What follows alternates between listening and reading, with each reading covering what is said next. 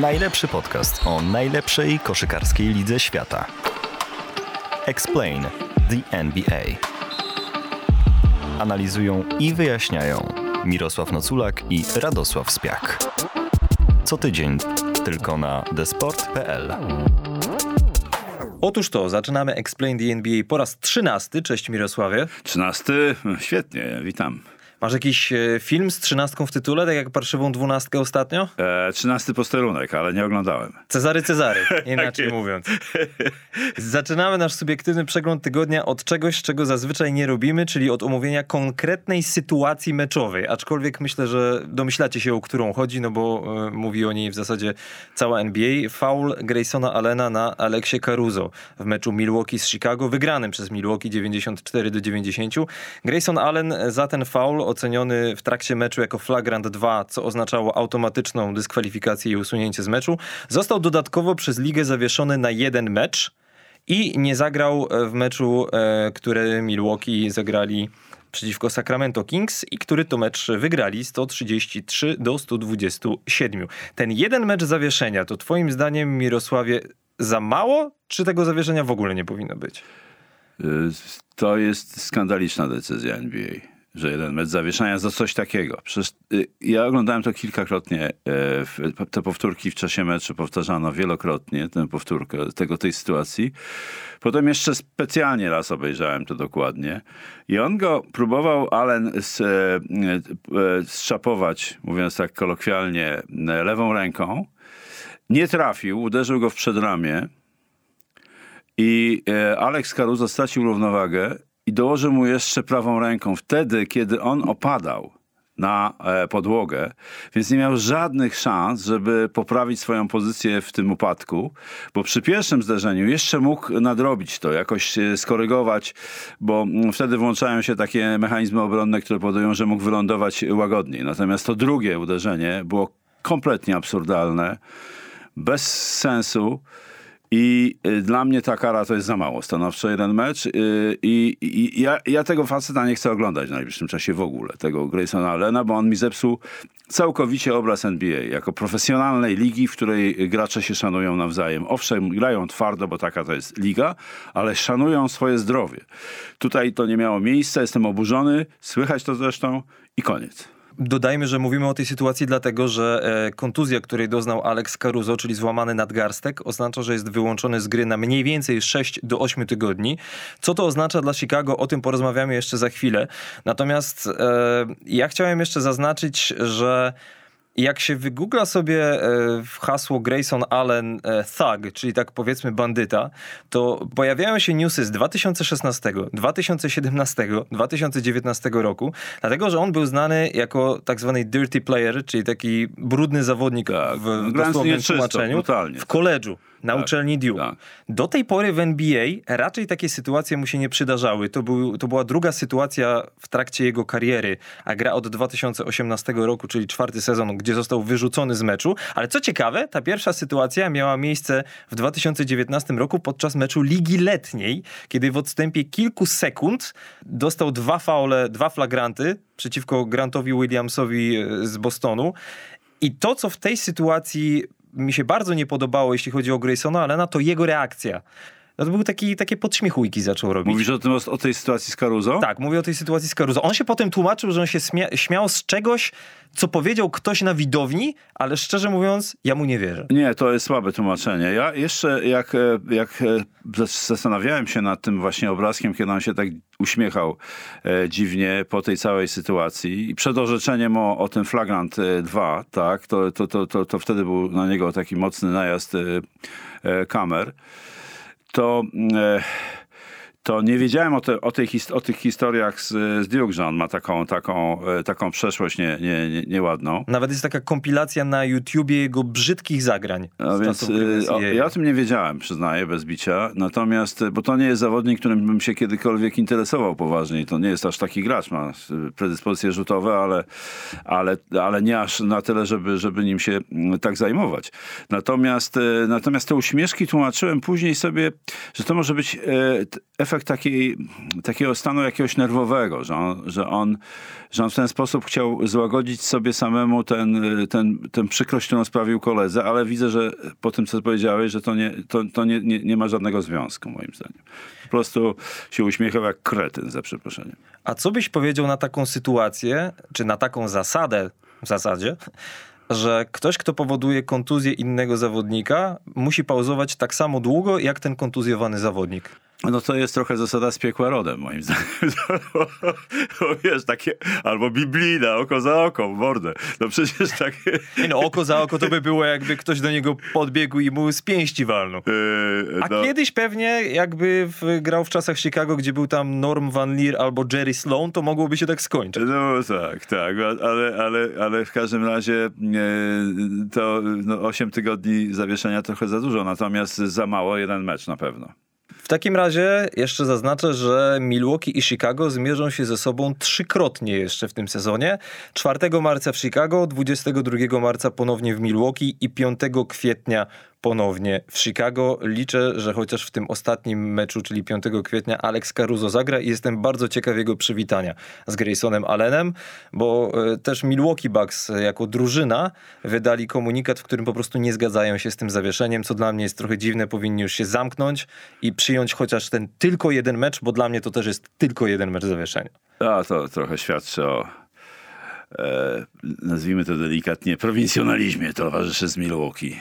Oni zresztą wrzucili na media społecznościowe takie zdjęcie Graysona Allena. Ostry jestem dzisiaj, ostry, uważaj, nie, nie, nie prowokuj więcej sytuacji, bo mogę polecieć. E, Okej, okay, będę się miał na baczności, a tylko skończę, że Milwaukee Bucks wrzucili po tym meczu zapowiedź następnego meczu właśnie z Sacramento ze zdjęciem Graysona Allena jedzącego pączka. I chyba poszli po rozum do głowy i ktoś im powiedział, że to raczej nie jest fajne i, i to zdjęcie w końcu wycofali. Przynajmniej tyle. Nie dobijaj mnie. Proszę. Ale dobrze, to w takim razie co z tymi Bulls? Bo kontuzja Alexa Caruso to jedno. On swoją drogą zresztą dopiero co wrócił po kontuzji. Tak, to tak. był zresztą jego drugi mecz po powrocie, kiedy opuścił 13 spotkań. Z Chicago w ostatnich 10 meczach zaledwie trzy zwycięstwa. Wciąż są bardzo blisko czołówki, czy w zasadzie w czołówce konferencji wschodniej na drugim miejscu, bilans 29-17, ale pomijając urazy, które oczywiście są, bo kontuzjowany jest Lonzo Ball i będzie musiał mieć operację kolana. Yy, łąkotka bodaj. Tak jest.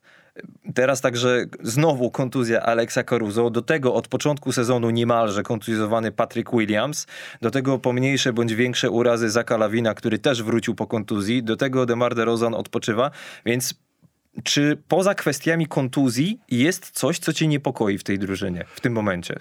To jest głównie, głównie problem kontuzji jednak, bo oni mają tam jeszcze jeden, jeden moim zdaniem e, problem taki mm, związany ze składem z zespołu, ale to też jest związane z, z kontuzją Patryka e, Williamsa, że mm, Nikola Wucewicz nie ma w ogóle zmiennika, bo ten, ten Bradley, który tam jest... E, Tony Bradley. Tony Bradley to, jest, to nie jest kaliber NBA dla mnie, więc...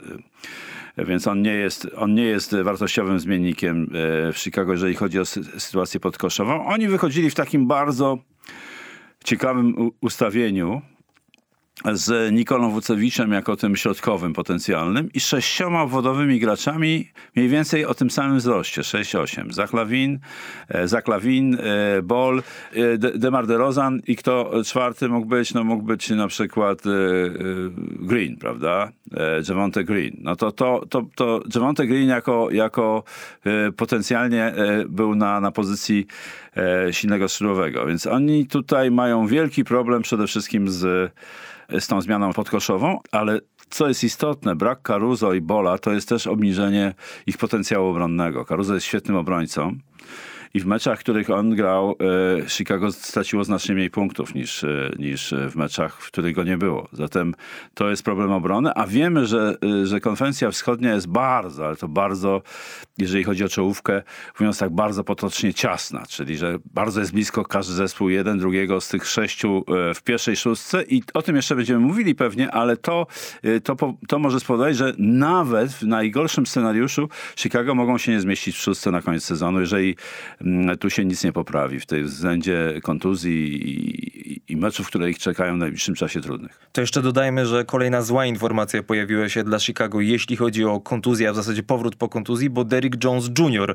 nie wróci tak szybko, jak się spodziewaliśmy. O właśnie, złamał palec w czasie rehabilitacji. Tak jest. I to było dosłownie e, we wtorek. My nagrywamy ten podcast w środę, a on właśnie miał wrócić po kontuzji kolana prawego, którą odniósł 12 stycznia. Wskazujący. Palec teraz, tak. Więc i, i to jest dodatkowo, to się wydaje, że to jest palec wskazujący, ale dodatkowe 6-8 tygodni Nie, no, poza to grą. jest, to jest złamany pale, palec w koszykówce istotne. No, też i nogami, i rękami tam się sporo robi w tej grze. Więc tak jak Alex Caruso i tak jak Lonzo Ball, no to 8 tygodni licząc od teraz, no to powiedzmy, że optymistycznie gdzieś w okolicach połowy marca trójka zawodników powinna wrócić. Nie wiem, czy pamiętasz, ale ja mówiłem o Derricku Jonesie, mówiłem, że chciałbym mieć takiego gracza w drużynie kiedyś na jednym z pierwszych e, podcastów, kiedy omawialiśmy e, Chicago. Bo on był tak trochę w Miami, zepchnięty do Portland, nie odgrywał ważnej roli. Natomiast tutaj od, nie był czołowym graczem, ale odgrywał ważną rolę e, w, tej, w tym zespole, w, w sytuacji, gdy, gdy były te kontuzje i choroby, szczególnie choroby. Tam w pewnym momencie siedmiu graczy było na ławce, że oni nie mieli w ogóle składu e, Chicago przełożone mecze między innymi z tego powodu, to on wychodził w pierwszej piątce i odgrywał bardzo ważną rolę w tym zespole. I wtedy miał tę kontuzję taką nad e, przeprostu kolana. To widzieliśmy w powtórkach, to było strasznie, to wygląda, zawsze ta, ta kontuzja strasznie wygląda. To było w meczu przeciwko Brooklyn Nets, o właśnie, przegranym no i, wysoko. Tak, i to, e, to, jest, e, to jest dodatkowy problem rzeczywiście. No, ale... To jest skaczący i zbierający piłkę gracz. Ale żeby nie było aż tak strasznie, to wiem, że jest jeden zawodnik, którego akurat z Chicago chciałbyś wyróżnić i jest to Ayo Dosunmu. Ayo Dosunmu, nie, nie do wymówienia nazwiska jak rany boskie, jak się, jak się nie przeczyta pięć razy. To jest yy, koleś, który wygląda jakby zerwał się z, z imprezy małolatów jakiś i, i trafił do zespołu NBA. A to jest 22-latek. tak, ale on ma wygląd, wiesz, takiego małego chłopca i, i też po posturę taką ma dosyć skromną, ale to jest, nie, ma nieprawdopodobny instynkt do tej gry. Oczywiście umiejętności. Jest świetnym strzelcem z dystansu, ma powyżej 40% y, skuteczność za 3 i w ostatnim meczu chyba 24 punkty. Tak jest, to jest jego rekord kariery przeciwko jego, no, Oklahoma City, ale punkty jak punkty, ale skuteczność z gry 10 na 14. No tak. Chociaż oczywiście z drugiej strony przeciwko najsłabszemu zespołowi w lidze. Nie, jednemu z najsłabszych. Ale to jest, ten, y, to jest ta historia, którą tutaj lubię do niej y, wracać. To jest sytuacja wyłaniających się z nie wiadomo jakich krzaków prze, przeróżnych, fantastycznych młodych graczy, pierwszoroczniaków w NBA, o których się nawet nie, nie wspominało wcześniej. A teraz taki Ajo wychodzi i, i czaruje, e, czaruje e, publikę, a szczególnie komentatorów Chicago Bulls, którzy się zachwycają i pieją z zachwytu na jego temat. Także to jest bardzo ciekawe zjawisko. Jeszcze o jednym takim będziemy mówili później, wspomnę o jednym później, bo też świetnie zagrał w ostatnim meczu. I do tego Dosunmu w tym meczu e, przeciwko Oklahomie 5 zbiórek i 8 asyst. Bardzo ciekawy chłopak i też go lubię, aczkolwiek jak myślę sobie o Chicago w playoffach, to mam takie wrażenie, że jednak będzie im brakowało doświadczenia, nawet jeśli wszyscy będą zdrowi, ale to jest, to jest trochę inny temat. No to jest temat y, klasyczny, że, że, y, że y, w playoff to jest czas weteranów, prawda? I że ci młodzi chłopcy, którzy teraz wychodzą i muszą grać z powodu mm, i kontuzji, i tych problemów covidowych, nagle dostają minuty, których by nigdy nie dostali wcześniej, gdyby tak się, tak się nie działo musieliby czekać na te swoje minuty albo, albo je sobie jakoś wywalczyć. A w tej chwili z konieczności grają i e, moim zdaniem e, wypadają na ogół świetnie. E, są jeszcze dwa przykłady, nawet teraz mi się przypomniało na późniejsze, późniejsze tematy. To jeszcze e, na koniec subiektywnego przeglądu tygodnia szybkie postscriptum do Philadelphia 76ers z poprzedniego tygodnia, a konkretnie do tematu Bena Simonsa. Ola Boga. Bo tydzień temu wspomniałeś o tym, że istnieje taka możliwość, że Sixers będą czekali do lata z oddaniem Bena Simonsa, bo chcą poczekać na Jamesa Hardena. Ja ten temat trochę zbyłem, bo trochę mi się nie chciało wierzyć, że to jest możliwe, ale poczytałem, zacząłem się zastanawiać i starałem się postawić siebie w sytuacji Jamesa Hardena. To jest człowiek, który do Brooklyn Nets trafił rok i dwa tygodnie temu. Oczywiście celem Brooklynu jest mistrzostwo NBA.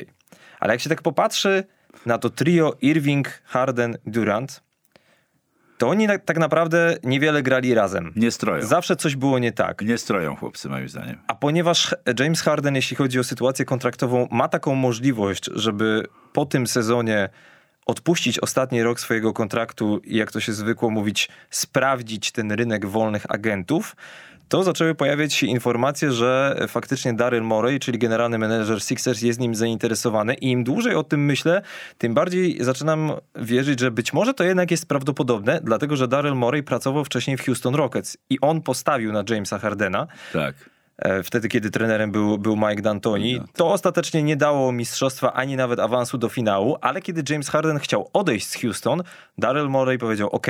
Kiedy James Harden powiedział chcę odejść do Brooklynu, Daryl Morey powiedział OK. Więc myślę, że perspektywa znowu grania w zespole prowadzonym przez e, Daryla Moreya, w którym to zespole jest Joel Embiid, może być dla Jamesa Hardena całkiem ciekawa, jeśli po raz kolejny w tym roku Brooklyn skończy z niczym, czytaj bez mistrzostwa.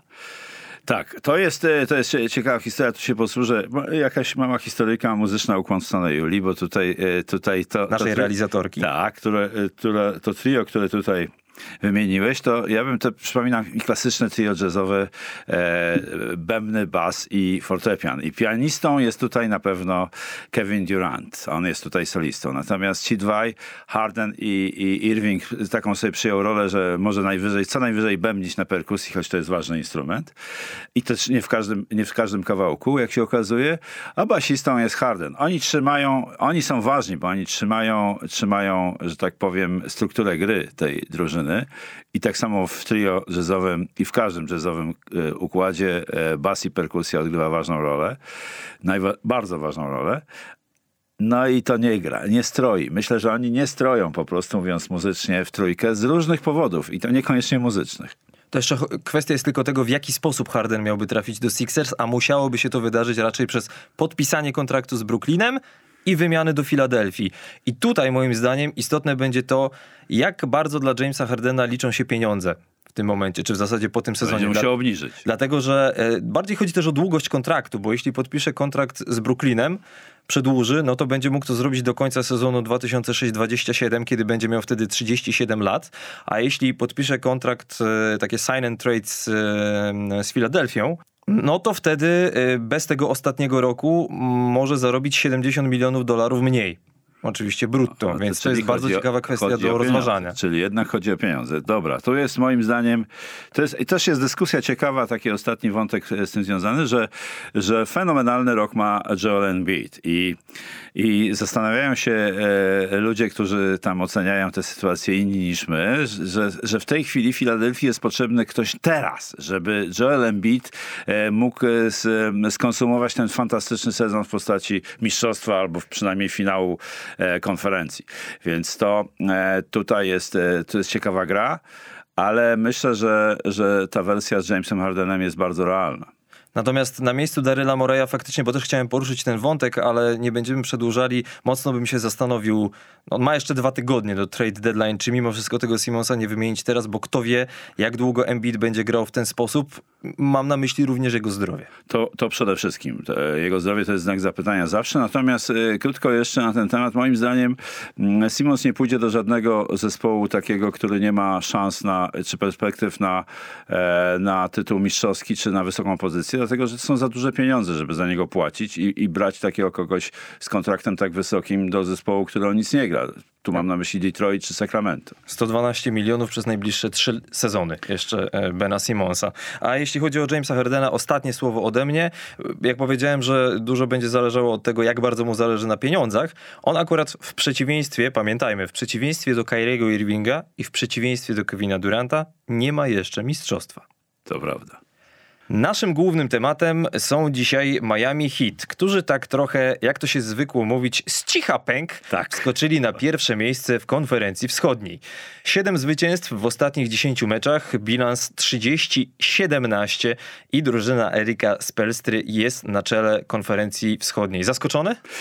Tak, e, ale jeszcze, ja, ja poszedłem jeszcze trochę, troszeczkę głębiej, bo oni w 16 ostatnich meczach od 22 grudnia wygrali 12 spotkań, a 4 tylko przegrali. I to właśnie robili tak gdzieś e, po cichu, po cichuteńku i, i nagle okazali się liderem e, wschodniej dywizji. Mało tego, grali dużo spotkań w tym czasie bez, e, bez Jimmy'ego Butlera i bez, e, bez um, Bama Adobayo.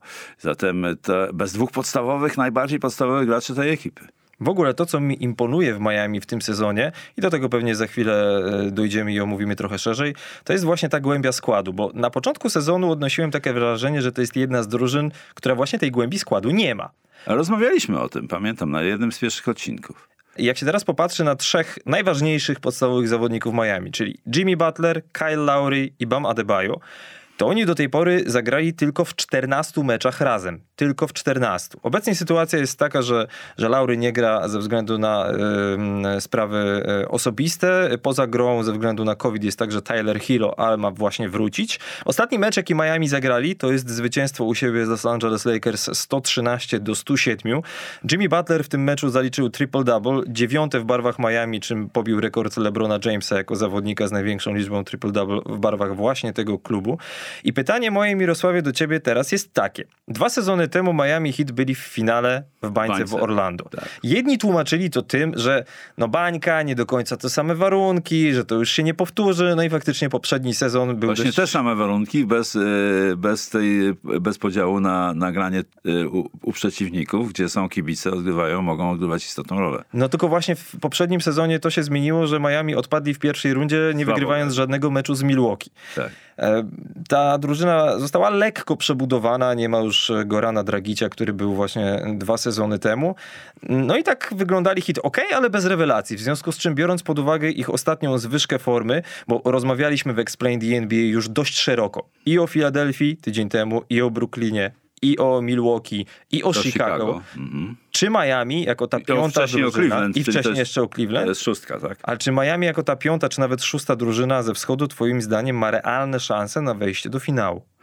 Wiesz, po tym co oni teraz pokazują i, i jak e, jak e, udało się e, Erykowi Spolstrze z wykorzystać zawodników no, z pozycji 7, 8, 9, 10 z konieczności w dużym stopniu, to E, to jest, jest bardzo ciekawe, bo tutaj ja uważam Eryka Spolstra za jednego z najlepszych trenerów e, w, dzisiejszej e, NBA, absolutnie. Nie chcę go klasyfikować dosłownie, ale jest to absolutna czołówka trenerów NBA. I on długo już jest w Miami i tutaj ma taką specyficzną filozofię. Bardzo ciekawe jest zdanie, które powiedział, i to bodaj w 2013 roku, zapytany, E, po, po meczu przez dziennikarza, dlaczego on wyszedł z taką piątką, on um, odpowiedział w ten sposób. Dla mnie nieważne jest, jaka piątka wychodzi, ważne jak będzie grała. I to jest fenomenalny fundament jego filozofii, że on po prostu ma takie zaufanie do swoich graczy i swojej pracy, że e, to nie ma znaczenia, czy, czy ktoś jest, tak jak teraz, e, wielu, wielu z jego zawodników podstawowych e, nie może z różnych powodów grać, to wychodzi, mm, wychodzi składem, który, który, który sobie zaplanuje i który ustali. Bardzo wróciłem do tego meczu, um, który oni wygrali z Phoenix. To chyba było 8 meczów wstecz z Phoenix. Tam rozbili Phoenix. 123 do 100. Tak, ale tam w pewnym momencie było nawet 30 punktów e, różnicy. On, i, ten mecz właśnie potwierdził tę filozofię e, Eryka Spelstra, że on wystawił piątkę zupełnie graczy e, no, gdzieś z tyłu, ze Strusem, bodaj w piątce. Mam to przed sobą. Caleb Martin, PJ Tucker, Omer Yurtseven, Max Strus, Kyle Lowry. I ten Omer, y, Omer Yurtseven to jest absolutnym odkryciem tego, tego sezonu, jeżeli chodzi o Miami oczywiście. Niedraftowany człowiek, y, też pierwszoroczniak który e, e, Turek, tak? To jest, to jest e, tak, urodzony w Uzbekistanie, ale ma obywatelstwo tureckie. No i to jest koleś, który naprawdę zrobił oszałamiającą, odegrał oszałamiającą rolę w, w tym, w tym świetnej, świetnej serii w, w tych ostatnich 16 meczach Miami. A dopiero, dopiero z ławki wpuścił Duncana Robinsona i Tylera Hero, którego spuszcza z ławki, bo to jest gracz, już wcześniej mówiliśmy o tym, numer jeden kandydat do szóstego zawodnika ligi. I ci dwaj weszli i zdobyli ponad 60 punktów. Yy, głównie rzutami za trzy punkty. Co jest ciekawe, też bardzo ważne, że, yy, że Miami yy, odpala trójki nieprawdopodobnie ostatnio. Dwa razy po 22 z Phoenix i jeszcze potem powtórzyli chyba z kimś. Już w tej chwili e, chyba z, z Indianą, tak. Z, nie, z Phoenix tak, z Phoenix i z Indianą mieli po 22 e, rzut, celne rzuty z dystansu i i w ogóle tych rzutów z dystansu oddają, no wiadomo jaki to jest skład, Robinson, Hero, a jeszcze dojdzie do tego Strus, wiadomo, że nie jest strzelcem Butler, prawda, z dystansu, on ma poniżej 30 punktów, więc bardzo On ma w ogóle skuteczność 24% w tym sezonie, to jest tak. naprawdę słabo. Tak, tak, poniżej 30 punktów grubo ma, ma, jeżeli chodzi o 3 punkty, natomiast jest świetny w innej roli. No właśnie, y, zwłaszcza kiedy nie ma Kyla Lowrego. Jimmy Butler bierze dużo na siebie, jeśli chodzi o rozegranie i to jest tego typu zawodnik, których nie ma zbyt wiele moim zdaniem, pod tym kątem, że on potrafi być bardzo efektywny i przydatny drużynie bez zdobywania punktów, nawet będąc liderem. Bo on ściąga na siebie uwagę obrony, może też grać tyłem do kosza, owszem, za trzy za bardzo nie rzuca, może inaczej, rzuca, ale nie trafia. E, natomiast chciałem jeszcze e, zaznaczyć, że skoro zacząłeś o Eriku Spelstrze, warto powiedzieć, że to jest trener, który nie licząc Grega Popowicza oczywiście, ma najdłuższy staż z jedną drużyną w NBA. I cztery finały. I cztery tak, finały i dwa mistrzostwa. Od 2008 roku jest w tej ekipie, co powoduje, że to już jest czternasty sezon z rzędu, więc ta ciągłość myśli szkoleniowej jest zachowana no, już od dłuższego czasu. I w zasadzie w tym sezonie y, hit po raz pierwszy od y, czasów tria LeBron, Dwayne Wade i Chris Bosh y, mogą dojść do 50 zwycięstw w sezonie. I nawet bym się nie zdziwił, gdyby tak było, chociaż przyznaję, że oni byli trochę, Amerykanie mają takie wyrażenie under the radar, czyli byli no tak. niedoceniani troszkę. Underdogs też mówią o takich zespołach, tak. Tak, i, i, i, chciałem zaznaczyć, że bardzo ciekawe, bardzo ciekawie ogląda się Miami pod kątem patrzenia na ich obronę. Dlatego, że to jest drużyna, która pozwala rywalom na oddawanie dużej liczby rzutów za trzy punkty, w ten sposób, że gracze obwodowi bardzo często pomagają schodząc w pole trzech sekund, byleby tylko odciąć te tak zwane driving lanes, czyli, czyli możliwości wejścia pod kosz. Jak popatrzyłem trochę w liczby, to uderzające jest to, że Miami jest drużyną e, numer 30, czyli w zasadzie odwracając to numer jeden w lidze, która pozwala rywalom na oddawanie najwięcej rzutów za trzy punkty w stosunku do ogólnej liczby rzutów z gry. 47% rzutów rywali Miami to są rzuty za trzy punkty. To jest prawie co drugi rzut. Dla porównania e, na przeciwnym biegunie tej tabeli procentowej są Washington Wizards, których rywale oddają 35% rzutów ogólnych e, jako rzuty za trzy punkty. Więc to jest coś, co Miami daje no jeszcze nie powiem, że sukcesy oczywiście, ale daje zwycięstwa. Dla przykładu, w ostatnim meczu z Lakers, Lakers oddali, i teraz żebym się nie pomylił, szybki podgląd, 40 rzutów za 3 punkty i 39 za 2. Kiedy e, trzy mecze temu Miami grało przeciwko Portland Trailblazers, Portland oddali 46 rzutów za 3 punkty i 35 za 2 czyli o 11 rzutów więcej z obwodu, do tego trafili tylko 14, więc kiepściutka też skuteczność i nic dziwnego, że Miami wygrali 12 punktami. Natomiast to, co to też powoduje, ten rodzaj obrony i na co zwraca uwagę ostatnio trener Elix Perstra, to to, że Miami ma problem w czwartych kwartach z trzymaniem wysokiej przewagi. Wiele razy w tym sezonie już się zdarzało, że oni taką wysoką przewagę kilkunastopunktową tracili, aczkolwiek zazwyczaj wychodzili z tego i tak zwycięsko, tylko że no już coś typu plus 3, plus 5, plus 6. I sam Elix Perstra twierdzi, że problemem nie jest to, że obrona się zmienia w czwartych kwartach, albo że staje się gorsza, tylko że ona jest cały czas taka sama i że w czwartych kwartach, kiedy już się zostawia rywalom tyle miejsca, a oni muszą gonić, no to skoro mają miejsce, to oddają rzuty za trzy i ileś razy już się zdarzyło w tym sezonie, że te rzuty zaczęły wpadać. W związku z czym rywale gonili Miami, no ale w większości jednak, mówię nie zawsze, ale w większości sytuacji Miami się jednak jakoś tam broniło. No i sami oddają z kolei w drugą stronę bardzo dużo rzutów z dystansu, więc to jest ciekawe, mm, ciekawa, e, ciekawy związek między tymi dwoma e, e, sytuacjami ale mm, e, no Tak jest, taką ma filozofię Eric Spoelstra i ponieważ on, on jest też duży, z dużym zwolennikiem rzutów, y, z, y, przepraszam, obrony strefowej 2-3. Ma ją świetnie opracowaną i y, Miami broni taką bardzo ciekawą strefą, zwykłą i to bez, bez tak zwanych matchupów, których ostatnio mówiliśmy, czyli od takich wplatania w grę e, strefową zasad gry e, każdy swego. To jest klasyczna obrona strefowa 2-3, ale ona jest bardzo elastyczna i oni bardzo ciekawie sobie pomagają w tej obronie, szczególnie skrzydłowi wychodzą wyżej, e, tam gdzie w pierwszej linii jest tylko dwóch graczy, a, a podstawową zasadą jest tworzenie przewagi ataku tam, gdzie jest mniej graczy obrony. I wtedy oni się przesuwają, mm, mówiąc takim językiem e, koszykarskim, bampują, czyli powstrzymują na chwilę gracza ataku, żeby w tym czasie do, mógł dobiec obrońca z danej linii. Więc to jest naprawdę dobrze zorganizowana obra, obrona strefowa i wiemy, że w bańce to, e, to Eric Spoelstra wiele, bardzo dużo jej stosował i między innymi dzięki niej mm, to było duże zaskoczenie dla wielu zespołów wówczas, dwa lata temu, ale teraz już e, coraz więcej zespołów stosuje obronę strefową i gra przeciwko obronie strefowej, więc to już jest trochę, e, trochę mniej skuteczne. W każdym razie to jest jedna, jedna też z filozofii. On też ma bardzo ciekawe podejście, że do atletyczne, atletycznego sposobu gry, że on uważa, że, że koszykówka to nie jest partia szachów, że trzeba grać na maksa, trzeba, że nie ma, nie ma czasu na zastanawianie się, trzeba szybko podejmować decyzje, trzeba grać atletycznie, kontaktowo. I to też fajna jest e, dewiza tego zespołu. Szybka korekta, to było dziesiąte triple-double Jimmy'ego Butlera w barwach Miami Heat, w tym proszę. meczu przeciwko Los Angeles Lakers, czym pobił rekord LeBrona Jamesa.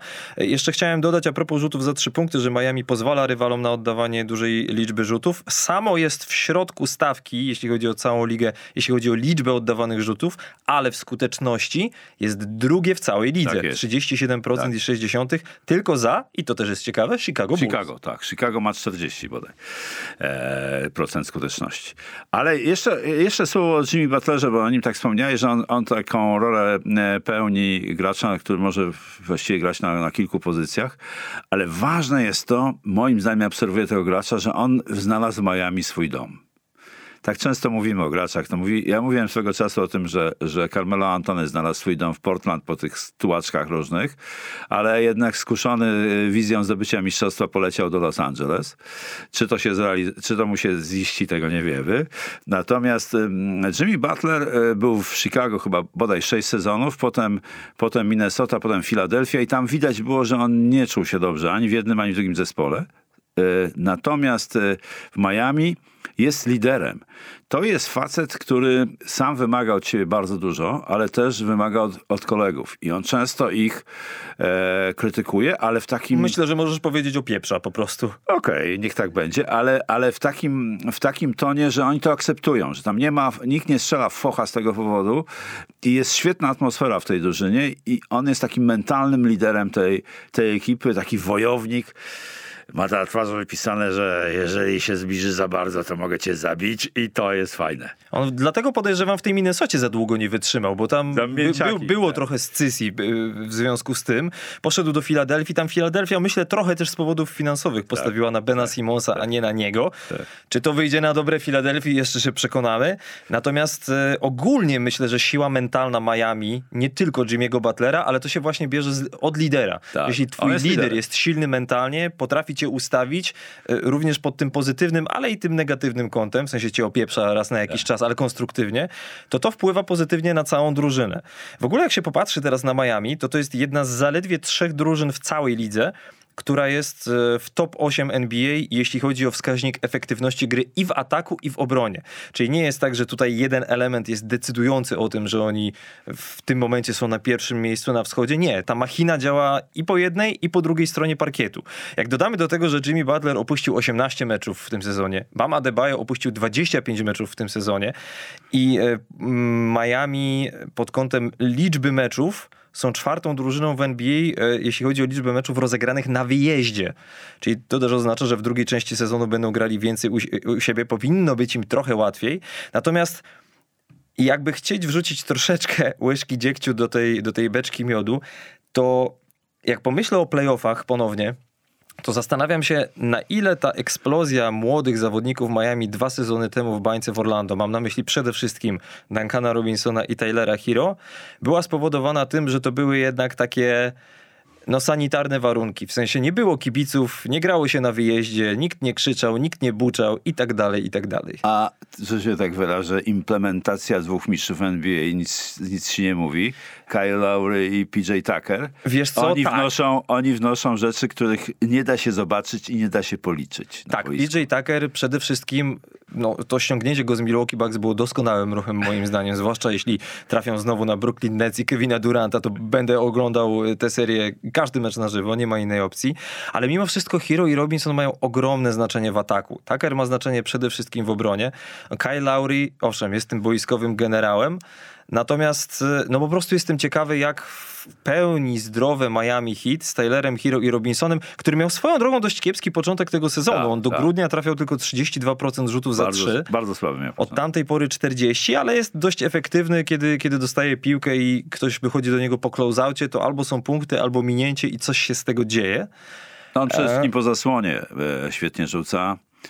E, I to jest, e, czyli korzysta z zasłony, no, obcina się, jak to się mówi w języku koszykarskim, tenerskim, e, na zasłonie, dostaje piłkę i, i ten jego łapi rzuca jest bardzo dobry. W ogóle bardzo mi się podoba historia Duncana Robinsona, bo nie wiem, czy... Trzecia wszyscy- dywizja.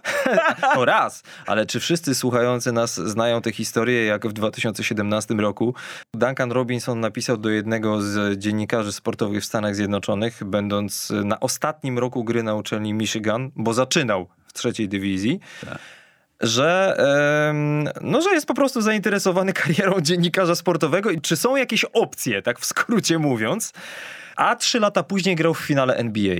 No, Fantastyczna historia, moim Fajna, zdaniem. Fantastyczna historia. To jest do znalezienia w internecie, nie będziemy całości tutaj cytowali, ale jak macie chwilkę, to wpiszcie sobie Duncan Robinson Letter albo coś takiego. Jakby ktoś e, nie znał, e, nie wiedział, co to znaczy trzecia dywizja e, w NCAA, w amerykańskiej koszykówce, to tak jakby w Polsce z drugiej ligi chłopiec poszedł do ekstraklasy i zaczął grać na poziomie właśnie Duncana Robinsona. To jest mniej więcej taka przepaść, a druga liga w Polsce to jest amatorska i ta trzecia dywizja, ja- ja byłem w Stanach Zjednoczonych w kilku miejscach, gdzie e, zespoły, z którymi jeździłem, grały e, z trzecią dywizją, to te mecze na ogół drużyny polskie wygrywały z drużynami z trzeciej dywizji. Zatem to jest ogromna przepaść. No to dodajmy jeszcze, że w tym momencie Miami mają e, dodatni bilans przeciwko Brooklyn Nets w serii w trakcie sezonu przeciwko Chicago Bulls mają w tym momencie bilans 2-0, więc jeśli okaże się, że na koniec sezonu będzie jakaś kombinacja tych drużyn w czołówce wschodu z takim samym bilansem, to Miami powinni być na górze.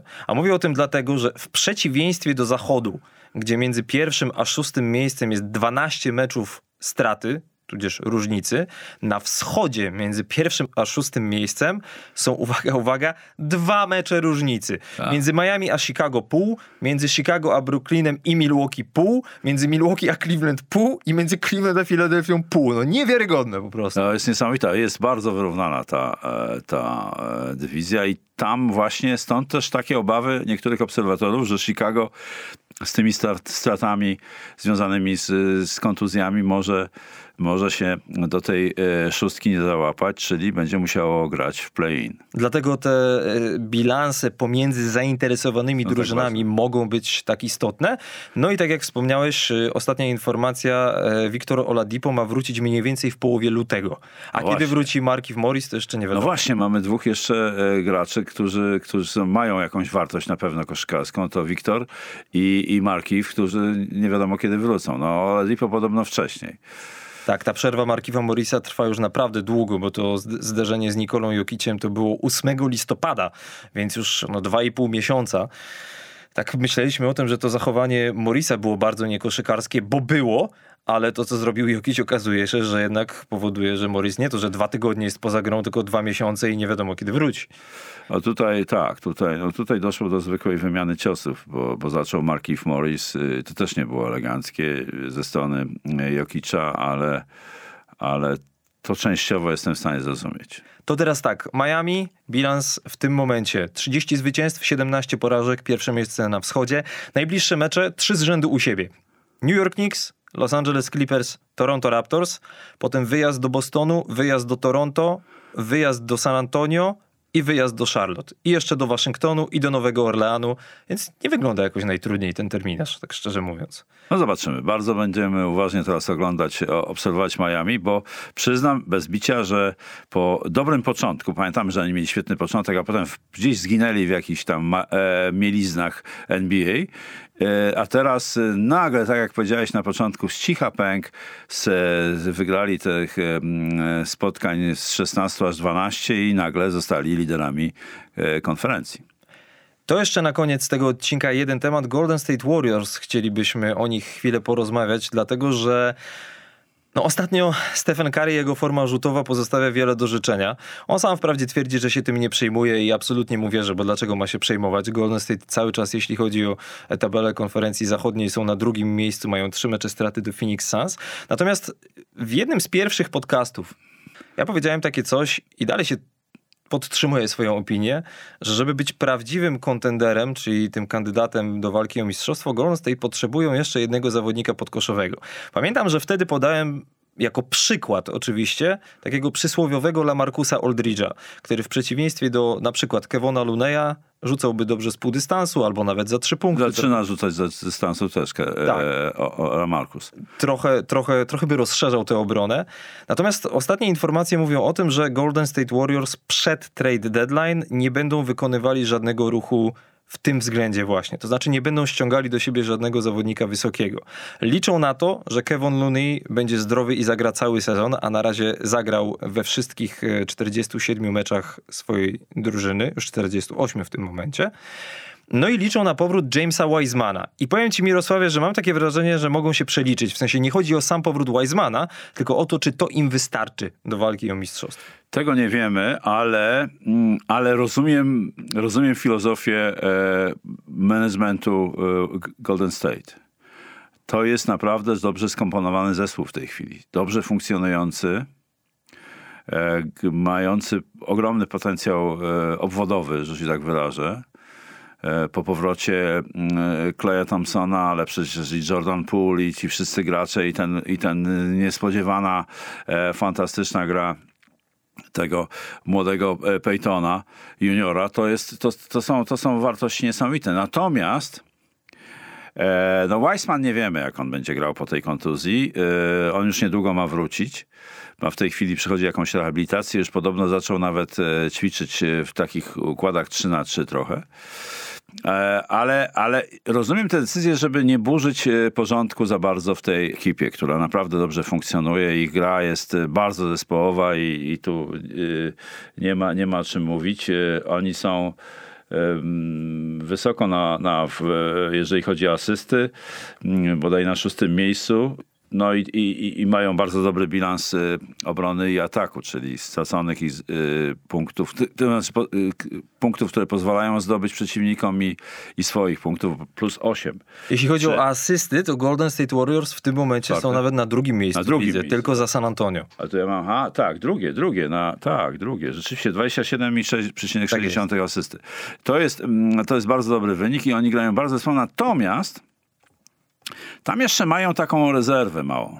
Po takim graczem, który mógłby troszeczkę, e, który trochę mógłby pełnić rolę taką, jak ty powiedziałeś, Oldridge'a, jest e, Nemanja Bielica.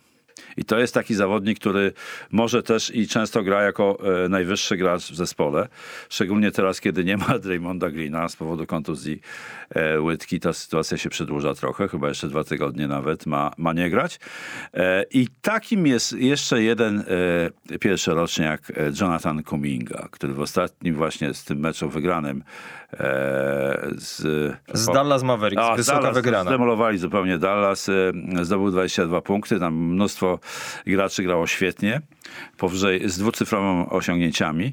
I ten Kuminga jest bardzo atletyczny i też ma taki parametr nie środkowego na pewno, ale y, może, może grać y, blisko kosza również. Także myślę, że to jest uzasadniona decyzja managementu i sztabu szkoleniowego Warriors, żeby nic nie zmieniać. To ja jeszcze zaznaczę tylko, że e, Golden State w playoffach zmierzą się pewnie na jakimś etapie albo z Phoenix, albo z Utah, albo z Denver, a tam będzie tak DeAndre Ayton, Nikola Jokic, Rudy Gobert, więc Więc Kevona Luneya szanuję oczywiście, ale nie spodziewam się wiele po Wisemanie. Wiesz dlaczego? Dlatego, że wysocy zawodnicy po kontuzjach kolana raczej od razu, a zwłaszcza tak młodzi jak on, raczej nie mają zbyt dużego wpływu na swój zespół. I tutaj, jeśli Golden State mają zdobyć mistrzostwo, jakby rozumiem twoją argumentację jak najbardziej, ale jeśli mają zdobyć mistrzostwo, to to będzie zależało od czegoś innego.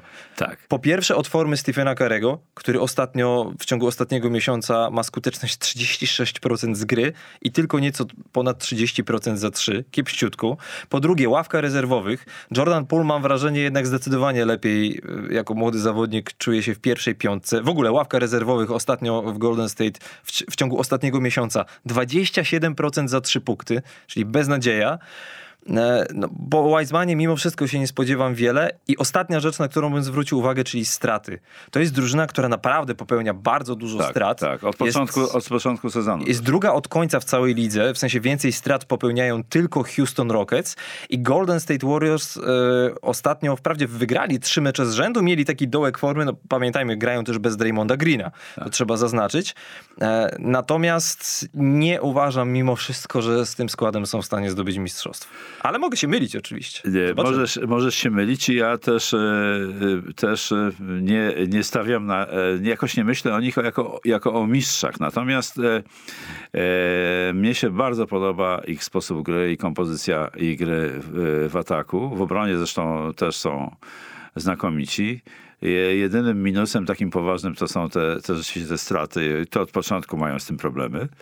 Natomiast te argumenty, które przytoczyłeś z tymi potężnymi środkowymi to czołówką środkowych e, w całej lidze, zaczynając od Jokicza, który moim zdaniem z Embidem idą ramię w ramię, jeżeli chodzi o, o, o ewentualne MVP tej, te, tego sezonu, bo, bo jeżeli Embiid utrzyma taką formę i, i Jokic też, to, to, to mogą być poważnymi kandydatami do, do, do, do MVP. E, natomiast no i Ayton, Phoenix jeszcze mają, e, mają jeszcze dwóch graczy pod koszem, którzy są znakomicie. E, Javal McGee ma świetny sezon e, w Phoenix, teraz trochę słabiej w ostatnich meczach, ale, ale naprawdę gra bardzo dobrze. No i facet, który podpisał 10-dniowy kontrakt, powiedz mi, przypomnij nazwisko. Biombo. Bismarck Biombo, którego nazwisko zawsze zapominam. I on po 10 dniach kontraktu e, ma znakomite statystyki i zostanie na pewno w Phoenix, więc mają trójkę podkoszowych bardzo dobrych graczy w Phoenix. Słuchajcie, kończymy trzynasty odcinek Explain the NBA. Rozgadaliśmy się, ale y, miło się gadało. Nie wiem, czy miło się słuchało, ale jeśli tak, to prosimy o dobrą ocenę na Spotify, bo jest taka możliwość.